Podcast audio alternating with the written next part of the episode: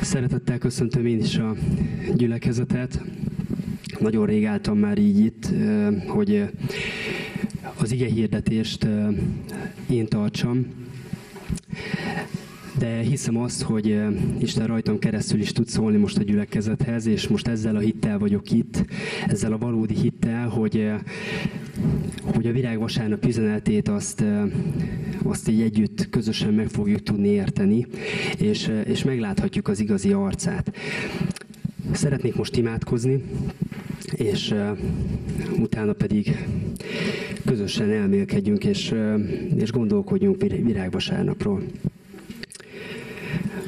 Atyám, nagyon hálás vagyok neked a te szeretetedért, hálás vagyok azért, mert uh, te lejöttél a földre, te végigvitted ezt az utat, bevonultál Jeruzsálembe, már azzal a szívvel, hogy, hogy elvégeztetett, hogy látod, hogy mi vár rád, mi vár rád a következő héten. Uram, szeretném, hogyha most egy élő és valódi hittel tudnánk szemlélni ezeket az eseményeket, és, és nem zavarna meg bennünket a látszat, nem zavarna meg bennünket az, ami, ami mögötte van ezeknek a dolgoknak. Uram, kérlek így, szólj most hozzánk. Amen. Szerettem volna egy címet adni, mindig, mindig szeretek címeket adni az adott tanításoknak, vagy témáknak, eszéknek, tanulmányoknak. Itt most ez a, ez a cím gondolkodtatott el virágvasárnappal kapcsolatban, hogy, hogy ez egy kicsit tehát látszat is, van egy látszat, meg egy valóság oldal ennek a virágvasárnapnak. És szeretném, hogyha meg tudnánk ismerni az igazi arcát ennek a napnak, vagy ezeknek az eseményeknek, történéseknek. De hadd kezdjem ott először azzal, hogy ami valójában számomra még a virágvasárnaphoz tar- tartozik, és ezt fogjuk most végignézni az adott szereplőkön, a virágvasárnap szereplőin keresztül, hogy, hogy a virágvasárnap egyébként döntéseknek a sorozata a választások ünnepe volt, a döntések ünnepe. És most pontról pontra végig fogunk majd menni embereken, de meg, meg, meg személyeken, vagy a népen, de előtte azért hadd mondjam el, hogy a döntéssel kapcsolatban volt most nem is olyan régen, nem régiben egy, egy, egy tapasztalatom, pszichológiai tesztet végeztettek el így a, a vezetőkkel a munkahelyen a, a stressztűrő és stresszkezelő képességről hogy azt a munkahelyi stresszt, a, a döntéssel járó e, stresszt, azt hogyan viselik a, a, a vezetők. És, e, és az volt az egyik kérdés ebből a tesztsorból, hogy gyorsan meg tudsz hozni nehéz döntéseket? Igen, nem, talán. És akkor Hát most itt józanul gondolkodva, hát az mégiscsak tudom azt, hogy hát ez egy, mégiscsak egy teszt, engem vizsgáztatnak, ott van egy ilyen 50 soros dolog, lehet, hogy még időre is megy, úgyhogy most vajon mit húzzak be? Igen, nehezen, lehet, hogy könnyen meg tudok hozni nehéz helyzetekben döntéseket, vagy, vagy, vagy, vagy nem, vagy talán. És, és akkor így, ahogy így ezen gondolkodtam, belegondoltam, hogy hát már most elbuktam, hát nem hiszem el. Igen, mondjuk igen, vagy nem? Na, tehát az a, az a vicc jutott eszembe, hogy doktor úr, én nagyon bizonytalan vagyok mostanában, vagy, vagy mégsem. Na, tehát nagyon sokszor ilyen döntés helyzetben vagyunk, és nehezen megy, a, nehezen megy a döntés. Ki az, aki ki tudja találni, most lehet tippelgetni, hogy egy ember egy nap hány döntést kell meghozzon? Mondjuk Dávid, te hány döntést hozol egy nap? Dávid 200-at hoz. Vagy dönt. Valaki más? Pisti? Ez egy, ez egy komoly kérdés egyébként. Mindennek van persze, tehát ezért nem tudunk egy teljesen pontos számot mondani. Ezek nehezítik a kérdést. Nehezítő tényező. De, de igen, mondjuk, ha nős az ember, mennyit hozol?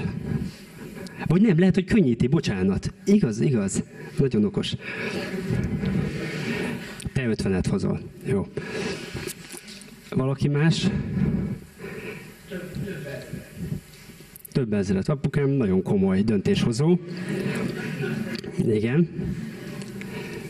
Utolsó tip, egy. Jó, hát alulbecsülted magad, András. Alulbecsülted, mert elmondom nektek, hogy megállapították az angol tudósok, de akárki, nem tudom, hogy milyen tudósok állapították meg, de elkezdtem én is számolni egyébként az egyik nap, és én, én 100-200-nál feladtam, de úgy képzeljétek el, hogy 35 ezer döntést hoz egy nap egy ember, egy átlagos ember. De ezt onnantól kezdődik, hogy, hogy kinyomom-e a szundit reggel, vagy sem, amikor fel kellene ébredni. Melyik zoknit vegyem föl, melyik gatyát vegyem föl. Tehát már csak az öltözködésnél hozol legalább 30 döntést, vagy 20-at. Megmossam-e a fogam, melyik fokrémmel. Tehát minden, mindig minél több a választási lehetőség. Előtted annál több. Persze ezek egyszerű kérdések, egyszerű döntések, egyszerű választások. Azonban vannak sokkal nehezebb döntések az életünkben. Általában ezek, ezek szoktak eszünkbe jutni, hogy hát, hogy ki legyen a házastársam, melyik iskolába menjek, ezek már, ezek már úgy érezzük, hogy ezek meghatározóak, ezek sokkal keményebb kérdések, amikről úgy érdemes beszélni. Na tehát az életünk az tele van ilyen döntésekkel, és, és nehezünkre esik sokszor választani ezek közül, a lehetséges kimenetelek közül. Na és virág vasárnapkor is nagyon sok ilyen lehetőség lett volna, és ezt akarom majd megvizsgálni, hogy, hogy hogyan döntöttek az, az adott helyzetben az adott szereplők. De ha már a döntéseknél tartunk, képzeljétek el, itt a tanítással kapcsolatban is egy nagyon komoly döntési nehézségem volt. Nem tudtam eldönteni, hogy az igét melyik evangéliumból olvassam, mert az a szerencsés helyzetünk van, hogy a virág vasárnap története mindegyik evangélistánál megjelenik. És mindenhol egy picit más. És őszintén szívből én így összevagdaltam volna, és így összeillezgetem a, a, a itt-ott hiányzó részeket. Nagyon nehéz volt eldönteni, hogy, hogy melyikből olvassam, hogy tényleg mindent, minden részletét megtudjuk és meglássuk. Úgyhogy én most nem tudtam dönteni. Tehát azt jelenti, hogy én a Máté evangéliumából és a János evangéliumából is szeretném olvasni az igét. Úgyhogy ha szeretnétek velem követni, akkor a Máté evangélium a 21. részénél az első verstől fogom olvasni. Tehát Máté evangélium a 21. rész első versétől.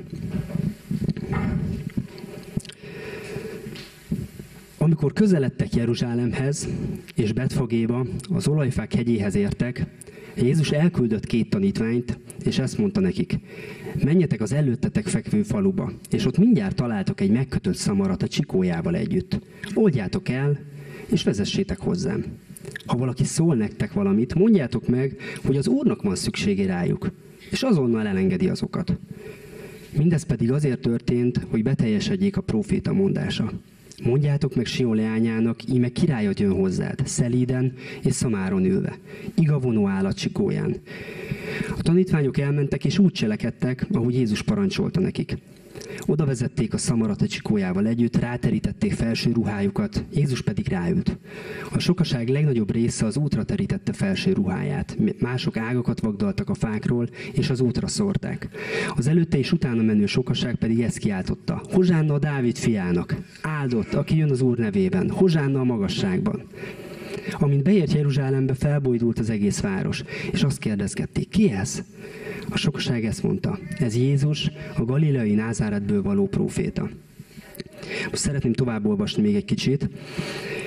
Azután bement Jézus a templomba, és kiűzte mindazokat, akik a templomban árusítottak és vásároltak. A pénzváltók asztalait és a galambárusok székeit pedig felborította, és ezt mondta nekik. Meg van írva, az én házam imádságházának nevezik, ti pedig rabló barlangjává teszitek. Azután vakok és bénák mentek hozzá a templomba, és meggyógyította őket. Amikor pedig a főpapok és az írástudók látták azokat a csodákat, amelyeket tett, és a gyermekeket, akik a templomban ezt kiáltották, Hozsánna a Dávid fiának, haragra lobbantak, és így szóltak hozzá. Hallod, mit mondanak ezek? Jézus pedig így válaszolt nekik. Hallom, sohasem olvastátok? Gyermekek és csecsemők szája által szereztél dicséretet. Erre otthagyva őket, kiment a városból Betániába, és ott töltötte az éjszakát. Amikor korán reggel a város felé ment, megéhezett. Meglátott egy fügefát az út mellett, odament, de semmit sem talált rajta, csak levelet. Ekkor így szólt hozzá. Ne teremjen rajta gyümölcs soha többé. És hirtelen elszáradt a fügefa. Most pedig a János evangéliumából szeretném olvasni, a 12. résztől, 12. rész első versétől. Tehát János evangéliuma 12, 1.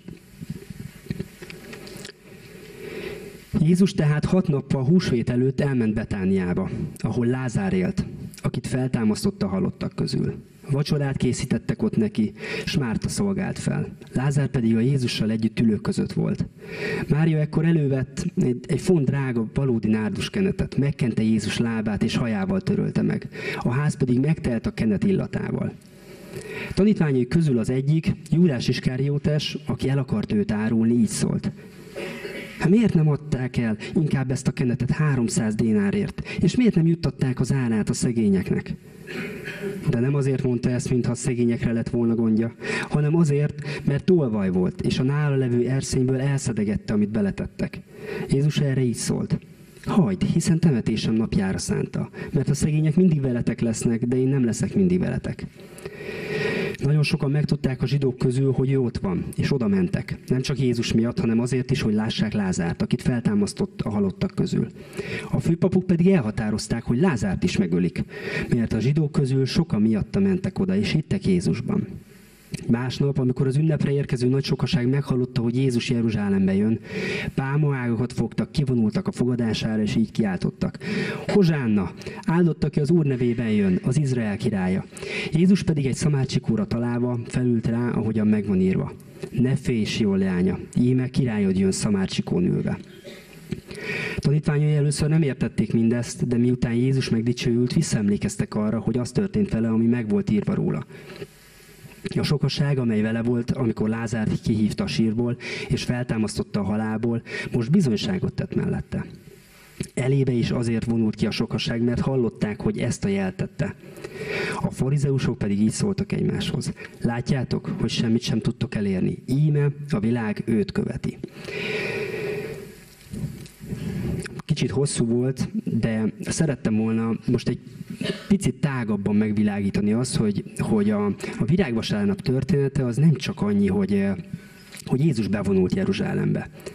Nagyon-nagyon komoly ö, ö,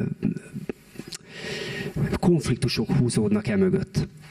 Tehát azt, azt olvassuk a, a Máté evangéliumában, tehát hogy így, csak pörögnek az események, hogy Jézus bevonul, mindenki ünnepel, aztán bemegy a templomba borogatni, hogy, mert hogy tisztátalan a templom, utána elvonul a sokaságtól, elátkoz egy fügefát, e az elszárad. Tehát itt magasságok és mélységek vannak a történetben. Akkor, akkor a János evangéliumánál olvassuk azt, hogy, hogy olyan emberek veszik körül, akik, akik szeretik is, meg nem is. Az egyik szereti megkenni olajjal, a másik valójában azt a pénzt szeretné látni, amit az az olajér. Már, már fontolgatja, hogy elárulja Jézust. Aztán a farizeusok is rossz szemmel néznek rá, már eldöntik, hogy, hogy meg fogják ölni. És nem csak őt, hanem Lázárt is utána bevonul Jeruzsálembe, és megint látjuk ezt az örömet. Nem tudom, hogy bennetek ez hogy csapódik le. Én mikor korábban, meg gyerekként is, amikor virágra vasárnapra gondoltam, akkor mindig sok virágra, verőfényes napsütésre, boldog emberekre, tehát egy igazi ünnepre emlékeztem. Mindig annó dicsőítéstől is úgy választottam ki az énekeket, hogy minél boldogabb énekek legyenek, ilyen pörgősek, mert hogy a virágvasárnap erről szól. Na de itt, itt van az óriási ellentmondás ebben az egész ünnepben mert hogy nem örömünnep a virágvasárnap.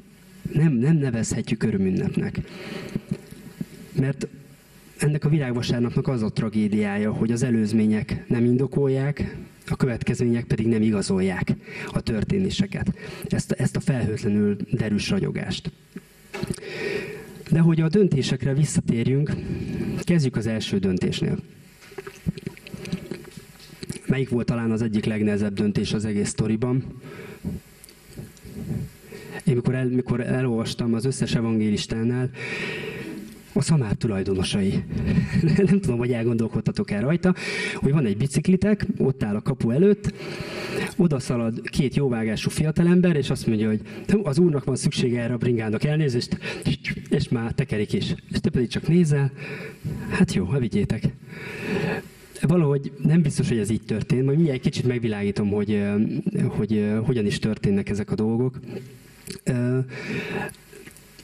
Hát azért, azért ez egy komoly döntés helyzet volt, hogy most odaadja azt a szamarat, vagy nem, de hát engedelmeskedett. Hát ez, ha az úrnak van szüksége rá, valószínűleg tudhatta, hogy, hogy, hogy ki, ki az az úr, ki jön most itt Betfagéba, és kimegy majd Jeruzsálembe, ezen a, ezen a, akár ezen a szamárcsikon, vagy szamaron, és, és odaadta. Tehát ez egy olyan döntés volt, ami egy engedelmesség volt.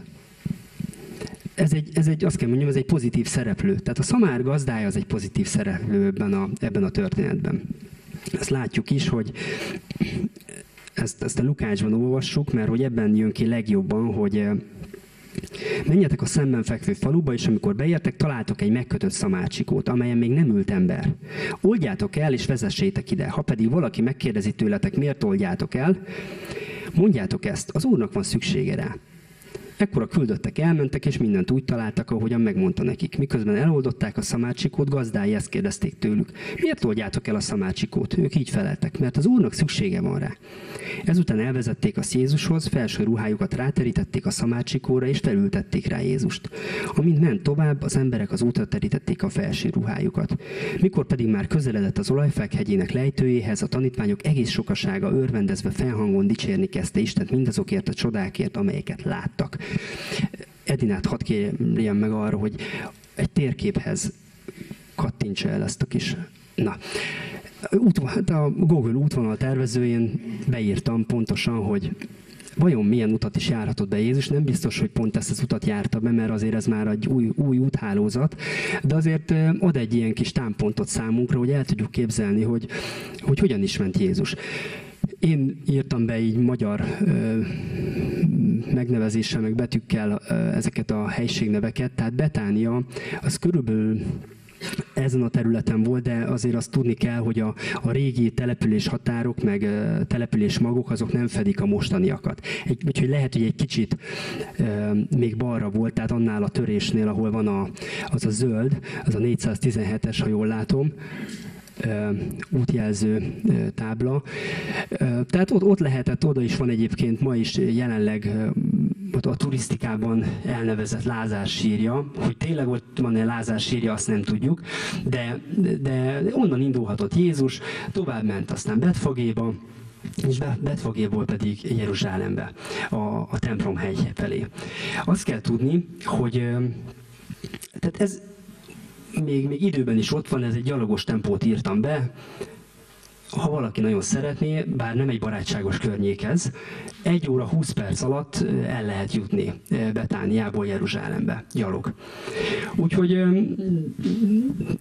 főleg, főleg ezen a területen inkább tempósan halad az ember, hogy nehogy baja essék, úgyhogy úgy kell számolni, hogy körülbelül egy óra alatt bent lehetett lenni Jeruzsálembe azt kell még erről, a, erről az időszakról tudni, és a hagyományok e, e, úgy említik, hogy Jeruzsálemben, amikor a Pészakra mentek, erre az ünnepre mentek a zsidók, akkor e, voltak szentségkerületek, és a legkülső szentségkerület volt egyébként Betfagé.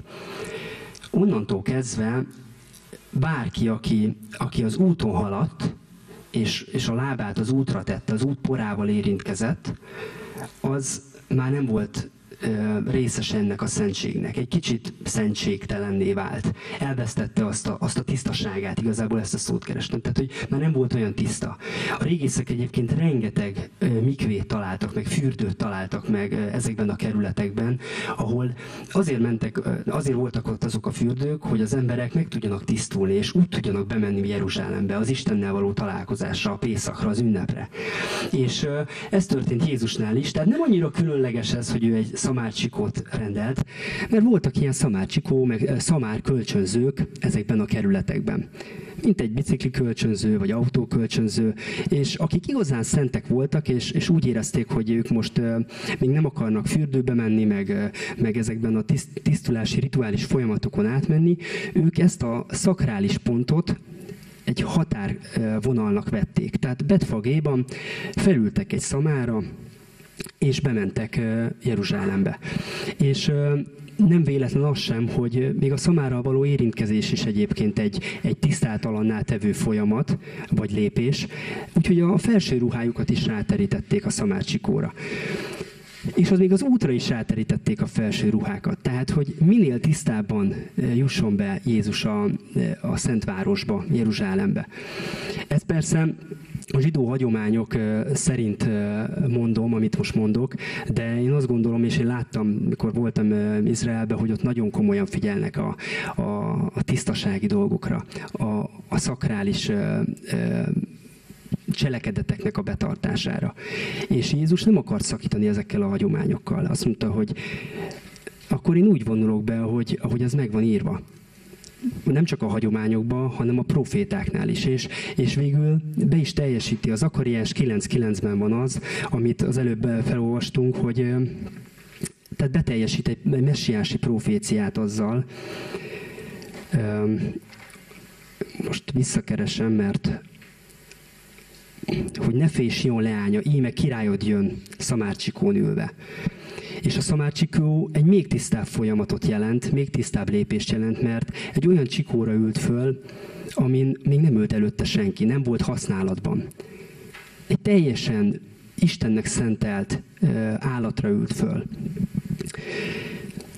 Úgyhogy most visszatérek kicsit ide a, a szamárhoz, itt most a, a történeti hátterét szerettem volna bemutatni, hogy, hogy, hogy ő így vonult be, ezért kellett a szamár, ezért kellett ez a szamárcsikó. Úgyhogy lehet, hogy nem is annyira különleges a, ezeknek a, a szamár gazdáinak a lépése, hogy tényleg odaadják ezt a szamárcsikót, de ettől függetlenül azért láttam, meg olvashatjuk az írásból, hogy azért nem voltak teljesen meggyőződve róla a tanítványok, hogy ez, ez, ez menni fog. Biztos ide adják ezt így, ha mi csak elkötjük ezt a szamácsikót. De odaadták. Ez egy engedelmességbeli lépés volt a, a gazdák részéről. De nézzük meg, a, nézzük meg a másik szereplőt, Júdást. A János evangéliumában olvastunk róla, nincs róla, nem hiába keresed, Edi egy felakasztós képet találtam az ikonográfiába, azt most inkább nem, nem tesszük ide, de azt, azt már nagyon jól előre vetíti, hogy, hogy Júdás már eldöntötte azt, hogy, hogy ő a pénzt választja. Választhatott volna mást is. Volt, volt lehetősége, volt alkalma rá, hogy, hogy megértse Jézusnak a tanításait, hogy ezeket a messiási proféciák megvalósulását ő ezt lássa és, és megértse. De a pénzt választotta, és ez, ez később, pár nappal később még inkább megvalósul, amikor már a, a 30 ezüstért eladja Jézust. És utána pedig már késő, miután, tehát már nem tud, nem tud visszafordulni. Úgyhogy az ő választása egy, egy rossz választás volt. Ő a pénzt választotta. De láss, megnézhetjük a farizeusokat.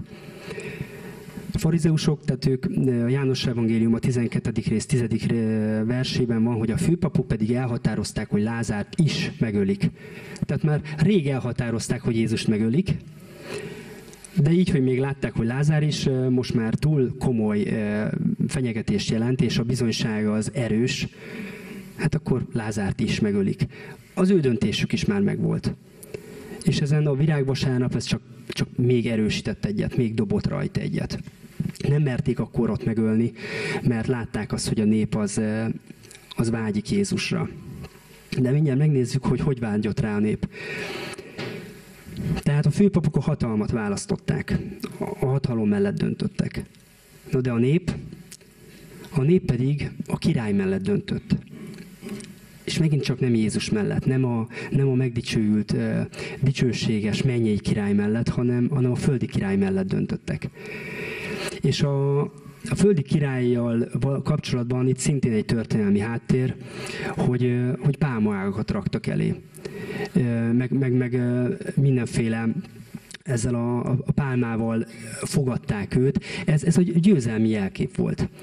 Egyébként a pálmát a lombsátra ünnepénél is használták a zsidók, de ez nem az az ünnep volt. Tehát itt látszik, hogy egyértelműen Jézus miatt, meg egy földi király várása miatt, a messiás várása miatt fogták ezeket a pálmaágakat, és és ez valójában egy szabadságharcnak a, a következménye miatt, mert hogy volt a Seleukida uralom, ahol Krisztus előtt 168-tól indult ez a szabadságharc, és ott az egy győztes szabadságharca volt, még ha átmeneti is, de győztes szabadságharca volt a zsidóknak.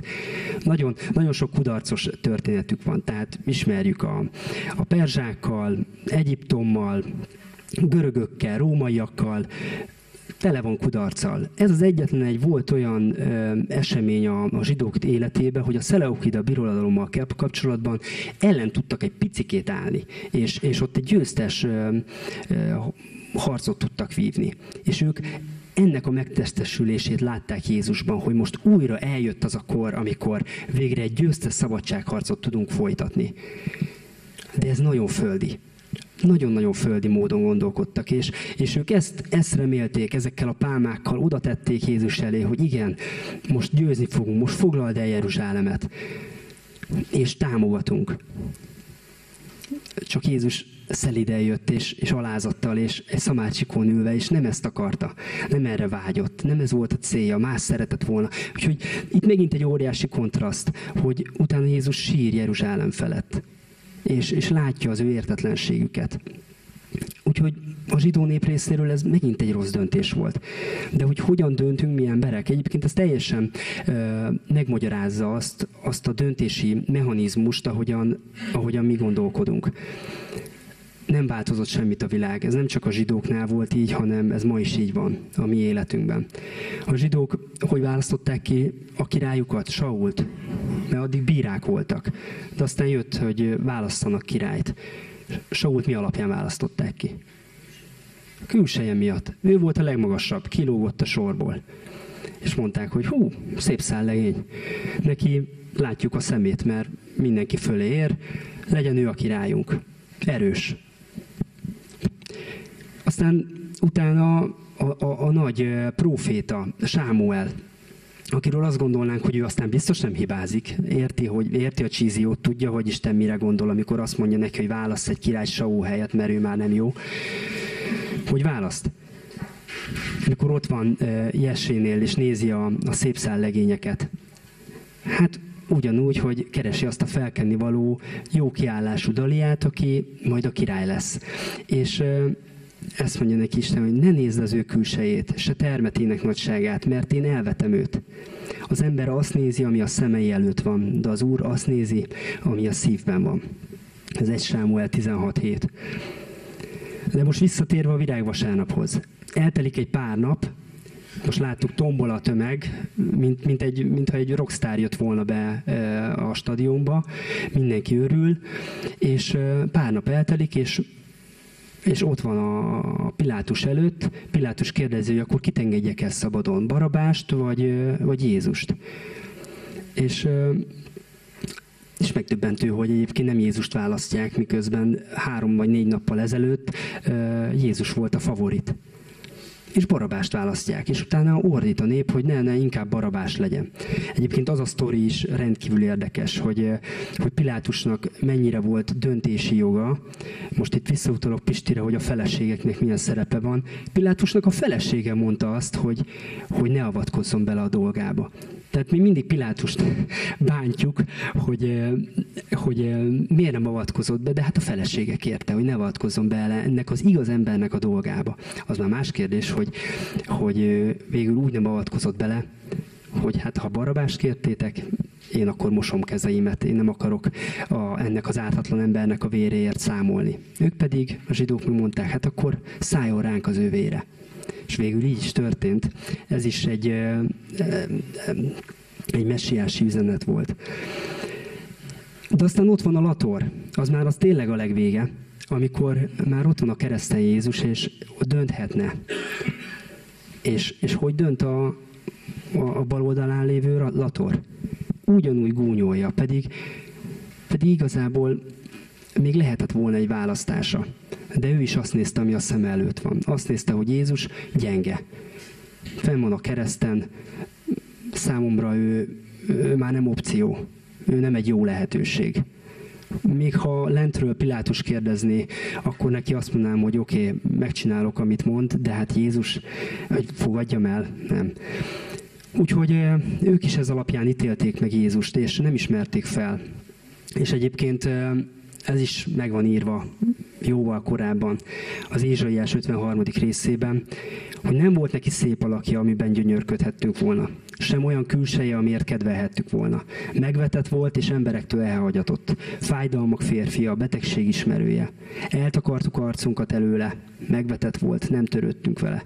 Pedig a mi betegségeinket viselte. A mi fájdalmainkat hordozta. Mi meg azt gondoltuk, hogy Isten csapása sújtotta és kínoszta. Pedig a mi védkeink miatt kapott sebeket bűneink miatt törték össze. Ő bűnhődött, hogy nekünk békességünk legyen, az ő sebei árán gyógyuljunk meg. Ez Ézsaiás 53. Úgyhogy ha össze kellene foglalnom, hogy virágvasárnapnak mi az üzenete, talán az, hogy ne a látszat szerint ítéljünk.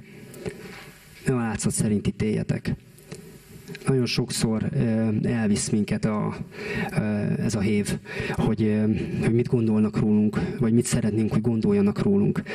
És erre egy nagyon jó ige, ezt még engedjétek meg, hogy ilyen hosszan ezt felolvassam, nem olyan hosszú, de azért ez egy fontos ige, a János Evangélium a 12, 37-43.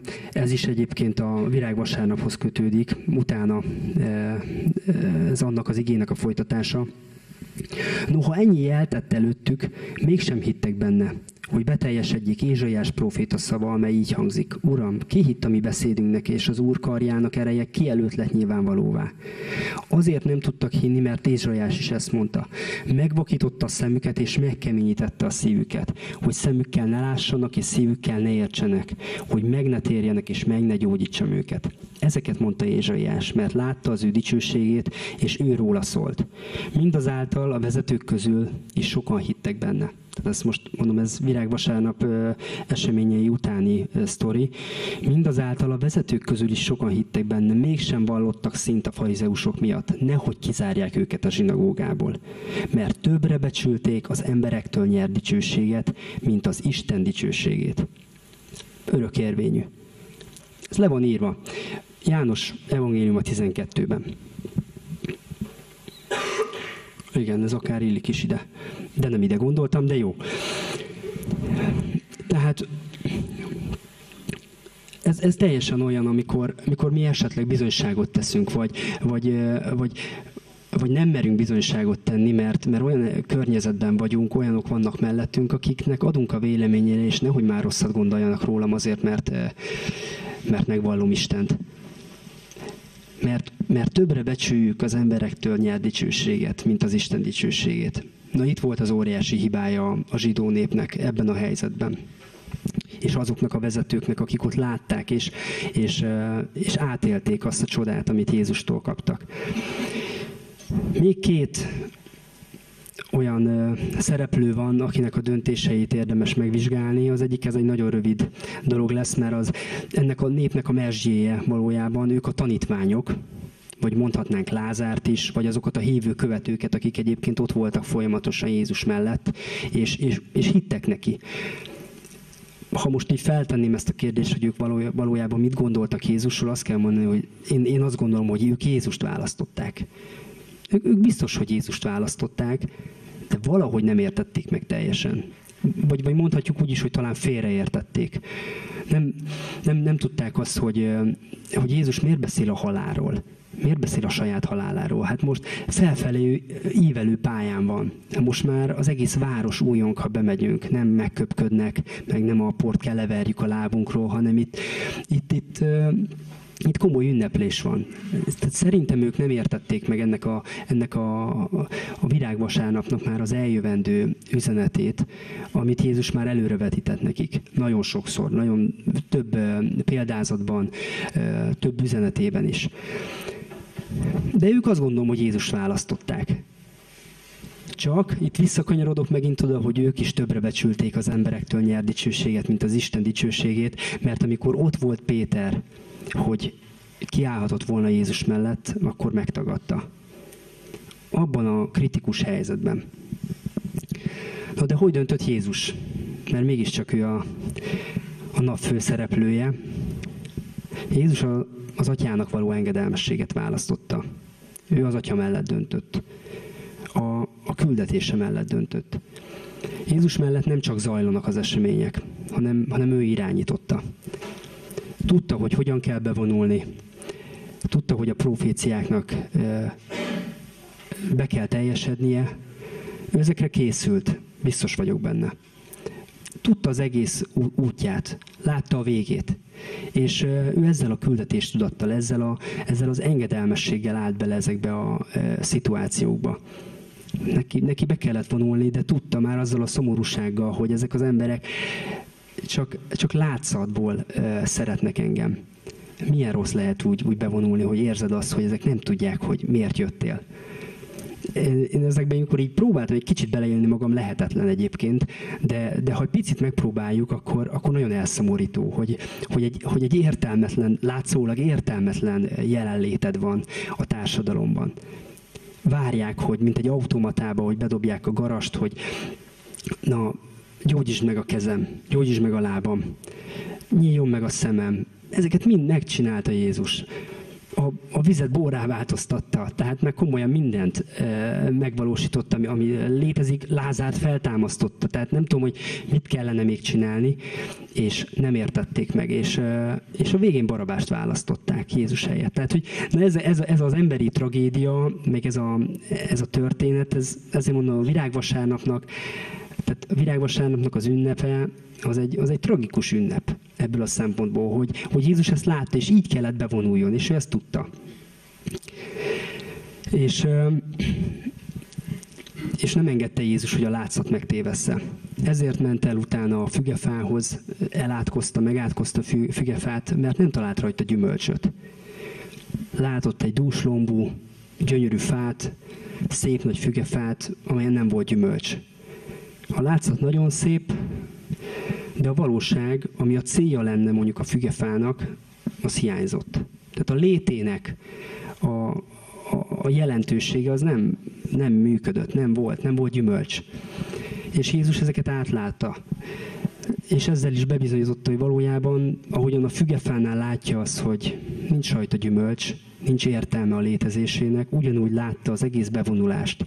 Hogy ennek a bevonulásnak így, meg ennek az ünneplésnek így nincs értelme, nincs jelentősége. De a profécia az beteljesedett, bevonult Jeruzsálembe.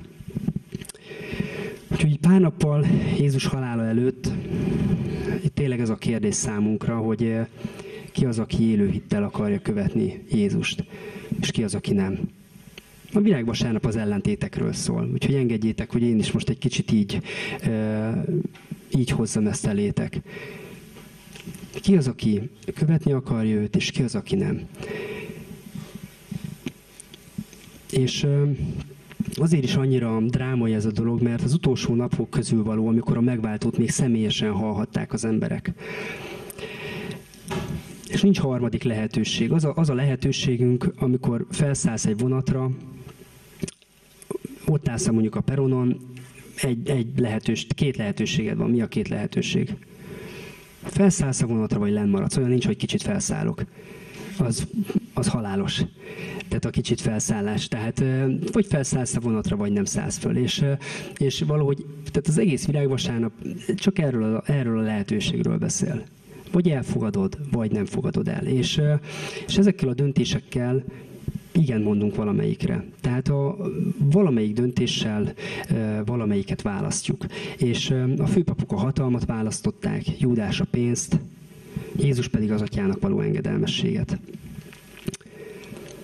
Úgyhogy zárásként talán csak annyit szeretnék itt, itt hagyni nektek, és, és így elmondani, hogy nem kell profin előkészített pillanat ahhoz, hogy jó döntést hozzunk, vagy hogy meghozzuk életünk legnehezebb döntését, legfontosabb döntését.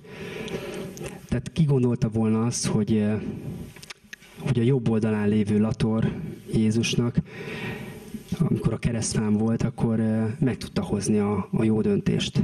Annak ellenére, hogy a bal oldalán lévő az, az káromolta. De ő megértette abban a helyzetben, abban az utolsó pillanatában az, hogy, hogy hogy mit is szeretnék, hogy, hogy valóban örök életet szeretnék, hogy igazán hittel akarom követni Jézust, és nem, nem mint földi királyt, hanem mint mennyei királyt. Úgyhogy Virág vasárnap ez elé a választás elé állít bennünket, hogy, hogy mi az életünk, látszat vagy valóság. Mi a mi Isten keresésünk, látszat vagy valóság. Milyen a, az, a hitünk, látszat vagy valóság. Úgyhogy szeretnélek most imára hívni benneteket, imádkozom, és uh, dicsőítőknek van-e esetleg egy dala, amit így közben uh, el lehet énekelni, és akkor utána meg Pistinek átadom a szót. Atyám, nagyon hálás vagyok neked azért, mert mert te egy hatalmas Isten vagy, te egy valóságos Isten vagy, te egy szerető Isten vagy, aki, aki döntés elé állítasz bennünket. Vannak egyszerű döntések az életben, vannak olyanok, amiket viszonylag könnyen meghozunk, és vannak olyan nehéz döntések, amit, amit jó lenne, hogyha ugyanolyan könnyen meg tudnánk hozni, és, és, és azt tudnánk mondani, hogy igen, én az életet választom. Én azt választom, hogy, hogy hozzád akarok tartozni és tudom azt, hogy a megváltás az itt van a kapuban, itt van a pár nappal később emlékezünk meg a Golgotáról, de Uram, a megváltás az valójában már megtörtént, és, és itt van az életünkben, és, és el kell fogadjuk. Uram, köszönöm azt, hogy, hogy így gondolhatunk a Te áldozatodra, hogy, hogy ez valóságos volt, hogy ez nem egy látszat, nem egy látszat ünneplés, nem egy látszat szeretet, hanem, hanem egy valóságos szeretet, egy valóságos eh, megnyilvánulása a te szeretetednek, hogy eh, te feláldoztad az életedet értünk. Uram, köszönöm neked ezt a kegyelmet, köszönöm ezt az ajándékot, és eh, szeretném, Uram, hogyha a mi döntéseink ezt eh, eh tükröznék, ezt komolyan vennék, ezt, eh, ezt elhinnék, hogy mi melletted akarunk dönteni, mellett téged akarunk választani. Kérlek Istenem, így így adj nekünk olyan szívet, hogy, hogy bölcs döntésre és bölcs választásra jussunk. Amen.